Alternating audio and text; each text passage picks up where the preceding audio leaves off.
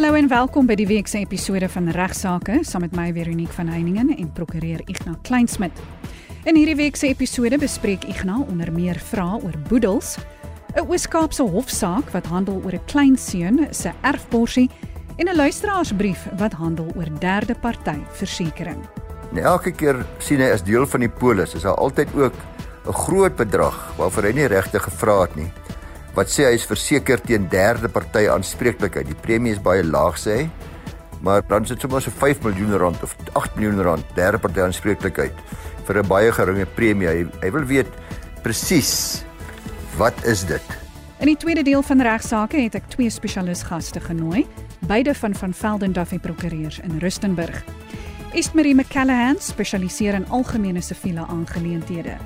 Nou na aanleiding van onlangse berigte in die media van 'n groot winkelgroep wat binnekort geen kontant meer as betaling gaan aanvaar nie, het ek haar gevra om van 'n regsoogpunt vir ons te verduidelik hoe 'n situasie sou werk indien hierdie handelaar sou weier om jou kontant te aanvaar.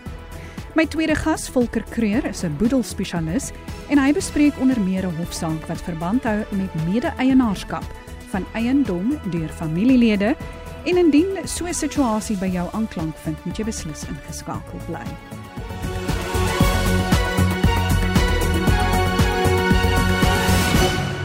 Ons skop die program nou eers af met Ignas wat 'n paar luisteraars vra oor boedels beantwoord. Goeiemôre aan elke luisteraar, dankie dat jy ingeskakel is. Voorreg om met u te gesels.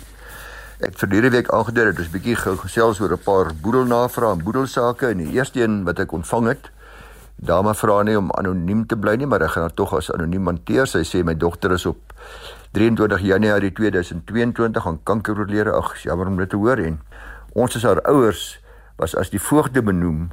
Dis nou natuurlik van die kleinkinders sou al twee te sterwe kom.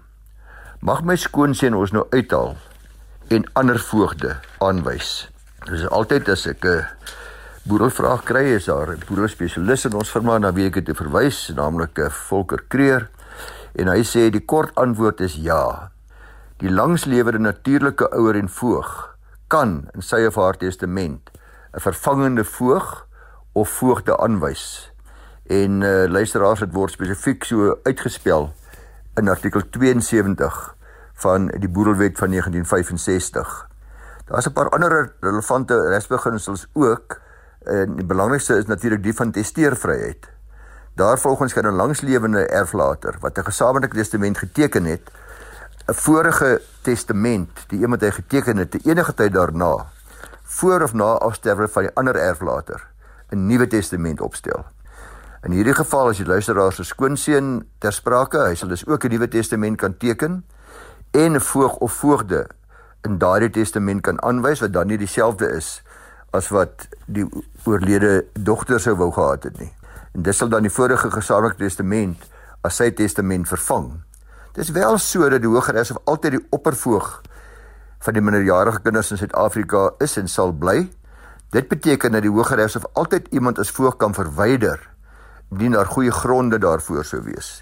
Die hof gaan vra om dit in die belang van die kind sou wees. Dis 'n moeilike bewyslas dikwels.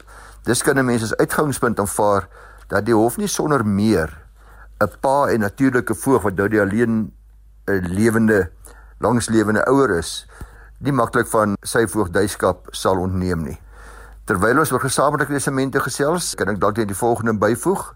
Daar's dikwels 'n persepsie dat 'n gesamentlike testament verval in die sin dat dit nie meer vir die langslewende geld nie wanneer hy tot sterwe sal kom nie. Maar dit is nie waar nie. Daardie gesamentlike testament tussen jy en jou vrou, jy en wie ook nogal, bly steeds die testament ook van die langslewende totdat die langslewende indien wel 'n nuwe testament opstel en teken. Vir praktiese redes is dit gewoonlik gepas om te sorg dat die langslewende gade 'n nuwe testament teken al bly die vererwingsklausules en die bepalinge van die Ou Testament presies dieselfde. Dis om seker te maak dat die oorspronklike testament dadelik beskikbaar is wanneer die langslewende tot sterwe gekom het. Maar onthou die gesamentlike testament, die ou, die oorspronklike testament gaan by die meester ingedien word na die afsterwe van die eersterwende en dit kan dan in ons ondervinding en volker se ondervinding soms 'n gesukkel wees om daardie leer in die meester se kantore wat nie altyd baie mooi perfek funksioneer nie opgespoor te kry. So mense sukkel om by ou oorspronklike gesamentlike testament te kry, nou is waar met miskien maar beter is om 'n nuwe een te teken, dan is die terme en die bepalinge dieselfde. Terwyl ons nou van die benoeming van voogde in 'n testament gesels, dan moet ons miskien ook met luisteraars deel wat ouers gewoonlik hulle testamente bepaal terwyl hulle albei te sterwe sou kom terwyl die kinders nog minderjarig is. Die meeste mense sal kyk na hulle ouers as voogte soos ook in hierdie geval van ons luisteraar, aan die woorde die grootouers van die kinders. Soms kom hulle egter tot die gevolgtrekking dat die grootouers en dalk dit, dit baie mooi oorweeg al net te oud is om die voogde rol te vervul. Dan oorweeg hulle gewoonlik eerder broers en susters of goeie vriende as voogde op die basis dat die grootouers nog steeds natuurlik 'n baie belangrike rol as ouma en oupa vir die kinders kan speel.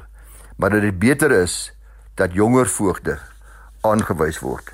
Ek hoop dat ons luisteraar sal verseker dat sy en haar man, die ouma en oupa of hulle nou as voogte aangebly of nie, nog steeds sal sorg dat hulle baie goeie verhouding met die pa van hulle kleinkinders het en dat hulle nog gereelde kontak met hulle sal kan behou. Ek nou bespreek nou 'n hofsaak wat verband hou met 'n kleinseun se erfporsie. Ek wil weer eens baie dankie sê vir soveel kollegas, groot firmas en kleiner firmas wat gereeld vir my nuusbriewe aanstuur. Ek waardeer dit regtig en ek maak ook baie daarvan gebruik vir my navorsing. Een daarvan is 'n nuusbrief vanaf die bekende firma FVSK. Dit is af van Klerksdorp. Hulle het 'n baie oulike hofsaak wat hulle hanteer oor 'n klein seun wat nou geskil was oor die vraag of hy van sy oupa kan erf. Dis belangrik om te onthou dat jy nie kan trou terwyl jy nog nie amptelik geskei is nie. Selfs al is jy en die ander persoon nie fisies meer saam nie, met ander woorde is van bed en tafel geskei of wanneer die prosedure steeds aan die gang is, die egskeidingsprosedure.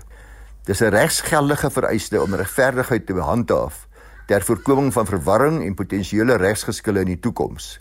So let wel, as jy nog getroud is en jy's nie amptelik geskei nie, dan moet jy onthou dat jy kan nie weer trou nie, jy moet eers amptelik geskei wees. Dis raadsaam dus om die egskeringsproses korrek af te handel voordat jy 'n nuwe huwelik of 'n nuwe troubeplanning aanknoop. Hierdie vereiste was duidelik deur die hof in die hofsaak van Bobani versus Benje en ander 2018 geillustreer. Dis 'n Oos-Kaapse Hooggeregshof ten gunste van 'n kleinseun en die hof het daar beslis dat hy die wettige erfgenaam van sy oupa se boedel moet wees as hy omdat hy so benoem was. Maar die oupa se tweede vrou met wie hy getrou het in aanhalingstekens het terwyl sy egskeringsprosedure nog hangende was is deur die besluit te knou gegee want hulle was nie werklik wettiglik getroud nie daar was nog 'n egskeiding hangende. In die saak het die oorlede man 'n huwelik gesluit met 'n tweede vrou na die dood van sy eerste vrou sonder om 'n egskeiding dus af te handel. Die tweede vrou kom nou na die man se dood en sy sê vir die meester van die Hooggeregs of Icona sy is die regmatige eienaar van die boedel van 'n oorlede man en uh, sy het 'n brief waarin dit staan, maar hierdie poging het egter nie geslaag nie. Toe die kleinseun nie van bewus word, het hy ook die Hooggeregshof genader met sy aansoek om die sogenaamde huwelik nietig te laat verklaar wat die nuwe vrou in aanhalingstekens beweer dat sy wettig getroud is. Kleinseun sê Icona, daai huwelik is nietig uh, omdat die egskeiding nog van sy oorlede ma nie afhandel was nie, sy oorlede ouma. Hy het ook aansoek gedoen by die hof om hom as wettige erfgenaam van die boedel van sy oupa te verklaar.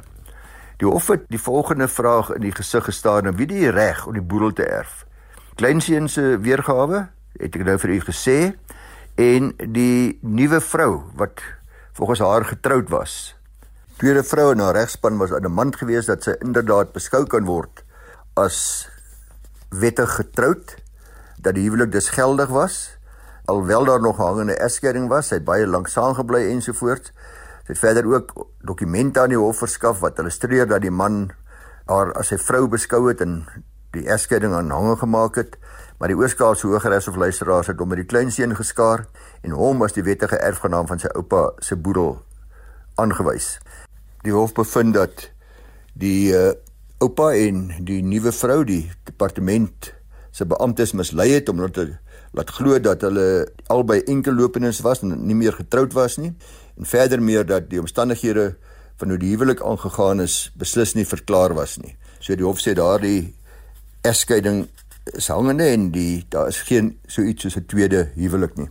Die hof se beslissing bevorder die idee dus luisteraars dat die regte van biologiese afstammelinge behou moet bly by erflatings en herhaal die noodsaaklikheid dat korrekte prosedure gevolg moet word wat 'n egskeiding betref voordat 'n nuwe huwelik wettiglik aangegaan kan word. Ignas sluit nou af deur 'n luisteraarsbrief te bespreek wat hy ontvang het wat handel oor versekeringspolisse. Die luisteraar wil weet wat derde party versekering nou eintlik is en hoe dit werk. Ja, as my laaste bydrae kry ek 'n skrywe van 'n luisteraar wat homself noem oom Petrus vir vier of wie ek weet seker nie. Hy skryf uit Johannesburg. Hy sê in sy eie woorde ek het onlangs 80 geslaan. Hy luister al dekades na die regsprogram. Hy praat nog van uh, die destydse benaming wat ons gehad het, naamlik wat sê die prokureur? En hy sê baie mooi dinge oor die program. Dankie oom Petrus. Maar sy vraag is, hy sê hy het al baie jare versekerings op sy motorvoertuig. En ook sy huis is verseker en sy huisinhoud is verseker. En elke keer sien hy as deel van die polis, is daar altyd ook 'n groot bedrag waarvoor hy nie regtig gevra het nie. Wat sê hy is verseker teen derde party aanspreeklikheid. Die premie is baie laag sê hy. Maar uh, hy sê sommer dan sit sommer so 5 miljoen rand of 8 miljoen rand derde party aanspreeklikheid vir 'n baie geringe premie. Hy, hy wil weet presies wat is dit? Nou luisteraars versekerings bestaan uit twee hoofdele natuurlik, twee hoofafdelings. Dis eerste party versekerings en derde party versekerings. In die eerste kategorie, dis waarmee wat ons almal ken is wanneer ek versekerings uitneem oor my eie bates, dit waarin ek 'n versekerbare belang het. Jy beskerm net jouself teen 'n moontlike verlies wat jy mag ly as gevolg van uh, jou bates en 'n ruil vir die beskerming betaal jy 'n maandelikse premie aan jou versekeraar, byvoorbeeld jou huis, jou juweliersware, jou motor ensovoorts. Maar die versekering waarna ons luisteraar verwys is derde party aanspreeklikheidsversekering. Dis aan die ander kant beskerm nie jouself teen skade wat jy mag ly as gevolg van skade aan jou eie bates nie, maar eerder skade wat jy mag ly as gevolg van jou aanspreeklikheid teenoor 'n derde party. Gestel byvoorbeeld jy hou 'n braai in jou lapa en jy gaan kyk gou uh in die kombuis wat aan die gang is daar en intussen het jou vuur erg vlam gevat en toe jy uitkom toe sien jy jou buurman se grasdak aan die brand slaan. Alhoewel daar in my voorbeeld geen skade aan jou bates was nie, gaan jy verseker finansiële skade lê as gevolg van jou aanspreeklikheid teenoor jou buurman want jou vuur was te naby aan sy grasdak waarskynlik het op 'n nalatige wyse jou vuur gemaak en nie behoorlik beheer oor jou vuur uitgeoefen nie so jy het dalk moeilikheid. Dieselfde sou gebeur het as jy per ongeluk byvoorbeeld sonder om baie versigtig te wees kookwater oor een van jou gaste uitgegooi het. Ag daar's baie voorbeelde van skade wat mense aan derde partye doen, dieselfde ook met 'n motorbotsing waar jy met jou motor teen 'n ander party bots, jy is die oorsaak van die botsing en jy, jy wil dan aanspreeklikheid ontduik vir die skade aan die derde party se voertuig en dan neem jy derde party aanspreeklikheidsversekering uit. Dis wat hulle praat by motorversekering van omvattende versekering. Jy is dan gedek teen eerste party versekering en derde party versekering wat jou motorskade betref. Dit is vir hierdie soort van gevalle wat ek nou genoem het hier by die braai wat 'n derde party versekering voor voorsiening maak.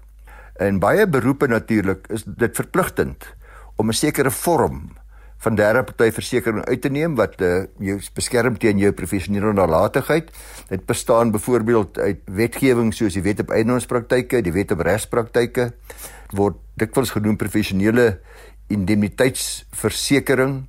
Maar die gewildste vorm van versekering is jou omvattende motorversekering wat eerste en derde party insluit. Wanneer dit kom by derde party aanspreeklikheid, is die polisklausules meeste van die tyd ook glad nie ingewikkeld nie.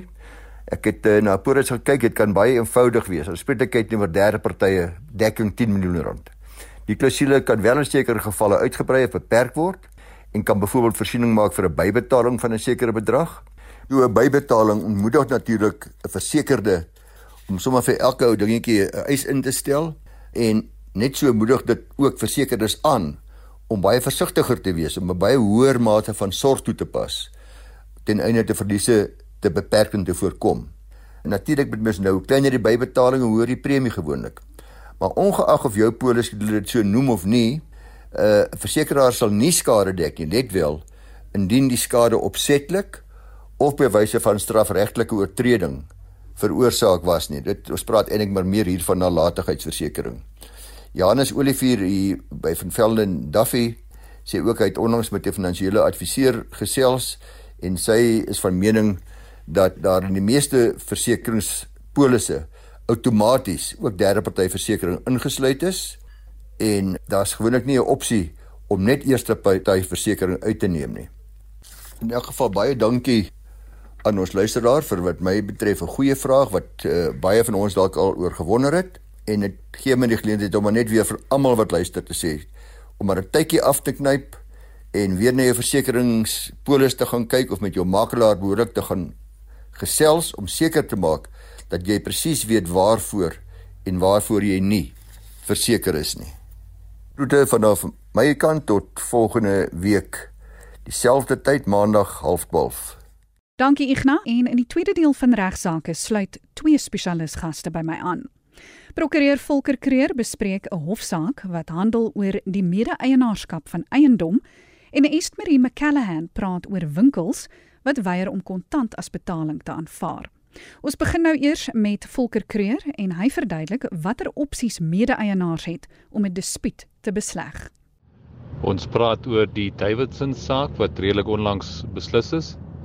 Familieoorlog, dispute tussen mede-eienaars saak wat in die hof geland het en die hof moes toe beslis. Wat doen ons? Wat doen ons met hierdie mede-eienaars wat nie oor die weg kom nie? As jy 'n mede-eienaar is van 'n vakansiehuis by die see of van 'n kantoorgebou of van 'n enige ander bate, dan moet jy gerus vandag luister of as jy oorweeg om dalk 'n mede-eienaar te word van so 'n huis of kantoorgebou of dalk aandele in 'n maatskappy ledebelangende BK bly gerus uh, ingeskakel. Ek dink daar's 'n paar waardevolle lesse wat ons uit hierdie hofsaak kan leer. Ene Shaun het die sake van die BK bestuur. Hy was ook 'n lid van die twee BKs. Hy het egter geweier om navrae van die ander familielede te beantwoord volgens uh, wat in die hof beweer is. Hy het inligting alles vir homself gehou. Hy het uh, versoeke van die ander lede dat daar vergaderings moet plaasvind, dat hulle gereeld met mekaar moet kommunikeer, dat hulle saam moet besluit oor hoe hulle die twee eiendomme van die twee BKs gaan gebruik basies geïgnoreer. So dit was die feite voor die hof en die ander familielede was natuurlik ongelukkig daaroor. Spesifiek uh, Brenda wat uh, ook derde belanghouer was en wat ook die eksekuteur was van 'n bestorwe boedel waarin van die ledebelang geval het. So die hof moes nou beslis, hoe gaan ons hierdie probleem oplos? Nou nadat albei partye behoorlik mekaar in die hof eh, sleg gesê het en mekaar die skuld gegee het vir die feit dat hulle nie meer kan saamwerk nie, het die hof met verwysing na die wet op beslote koöperasies en spesifiek artikel 49 daarvan gesê dat hy oortuig daarvan is dat die partye nie meer met mekaar kan saamwerk nie en dat die hof gevolglik sy diskresie moet uitoefen om te sê die een party kan die ander party uitkoop teen die redelike markwaarde van die ledebelang en uh, so kan die hof dan inmeng en sorg dat die vrede bewaar word en dat elkeen sy eie pad stap en hulle nie meer in die toekoms as mede-eienaars gaan beklei nie. In hierdie geval die hof spesifiek gesê dat Brenda inderdaad die reg moet kry om vir Sean se ledebelang in effek uit te koop. So dit is hoe daar 'n einde gebring is aan die mede-eienaarskap en hoe uh, Sean dan uh, vergoed is natuurlik teen 'n redelike markwaarde vir sy ledebelang en Brenda kon toe op eie aangaan met die sake van die BKs. As jy egter ten spyte van hierdie waarskuwings nog steeds besluit om same bate aan te koop, byvoorbeeld 'n huis by die see saam met uh, vriende of familie of byvoorbeeld 'n kantoorgebou saam met vennote, dan uh, sou ek definitief aanbeveel dat 'n mens maar 'n behoorlike mede-eienaarsooreenkoms opstel. So 'n kontrak kan dan byvoorbeeld voorsiening maak vir hoe besluite geneem moet word oor die onderhoud van die eiendom, oor die verbeterings wat 'n mens dalk wil aanbring aan die eiendom sodat die meerderheid byvoorbeeld die minderheid kan uitstem. as dan nou byvoorbeeld in die verband besluite geneem moet word. Byvoorbeeld kan die ooreenkoms dan ook voorsiening maak vir 'n sekere proses wat gevolg moet word om die huurinkomste te vorder. Dikwels maak dit nogal sin om liewers van 'n verhuuringsagent gebruik te maak wat dan daarop spesialiseer en terwyl hulle van al die eienaars kan sorg dat die huurgeld behoorlik ingevorder word en dat daar so gou as moontlik huurders gekry word vir die perseel as dit dalk sou leeg staan. So die inkomste kan dan ook handel met die verkoop van die eiendom en ook weer eens voorsiening daarvoor maak dat die meerderheid die minderheid kan uitstem sodat mens die bate kan verkoop as die meerderheid wel so sou besluit. Of die kontrak kan byvoorbeeld voorsiening maak daarvoor dat die oorlewende mede-eienaar se opsie het om die oorledene se belang in die bate uit te koop as iemand dalk te sterwe sou kom. Dit maak dit dan makliker om die nodige reëlings te tref met die bestowerde boedel, met die eksekuteur en seker te maak dat die langslewende mede-eienaars die bate kan oorneem en nie met die familie sit van die oorlede mede-eienaar met wie hulle dalk nou nie oor die weg kom nie of wie hulle dalk nou nie ken nie. So al hierdie klousules kan dan seker maak dat daar hopelik nie dispute tussen die mede-eienaars is nie en dat die gepaste besluite geneem en uitgevoer kan word as uh, dit dalk tyd is om te verbeter, om te herstel, om te verkoop en so meer. Dankie Volker en nou sluit Esmerie McCallan by my aan en sy praat oor winkels wat kan weier om kontant as vorm van betaling te aanvaar. Elke handelaar het 'n diskresie oor watter tipe betaalmetodes hy gaan aanvaar. Met ander woorde, elke handelaar het die reg om te kies of hy kontant kaartbetalings of internetoorbetalings gaan aanvaar. Wanneer jy iets by 'n handelaar koop, word daar 'n kontrak tussen jou en die handelaar gesluit. Die betalingsmetode wat die handelaar bereid is om te aanvaar, is een van die kontraksterme. Indien jy as mede-kontrakterende party nie bereid is om daardie betalingsterme van die handelaar te aanvaar nie, dan hoef jy nie, dan word daar nie 'n kontrak gesluit nie. Dan sit jy die produkte neer en jy gaan koop by 'n ander handelaar. Ek kan dit ook verduidelik aan die hand van die voorbeeld dat indien jy vir 'n vriend geld leen, kan jy aan daardie vriend spesifiseer hoe hy jou moet terugbetaal. Jy kan self spesifiseer of jy kontant versoek en of hy 'n internetoorбetaling aan jou moet maak. Elke persoon het die reg om te kies watter betalingsmetodes hy bereid is om te aanvaar. Die Reserwebank het ook gespesifiseer dat alhoewel kontant steeds geldige betalingsmiddels in Suid-Afrika is, is geen handelaar verplig om kontant te aanvaar nie en val dit binne hulle diskresie hoe betaling aan hulle gemaak moet word. Baie dankie aan Ignas Kleinsmid, Volker Creer en Estmarie McCallahan, almal van van Velden Duffy Prokureurs in Rustenburg vir hulle bydraes tot vandag se program. Vir enige navrae stuur gerus 'n e-pos na my toe by vero@rsg.co.za. Van my Veronique van Heiningen groete tot volgende week.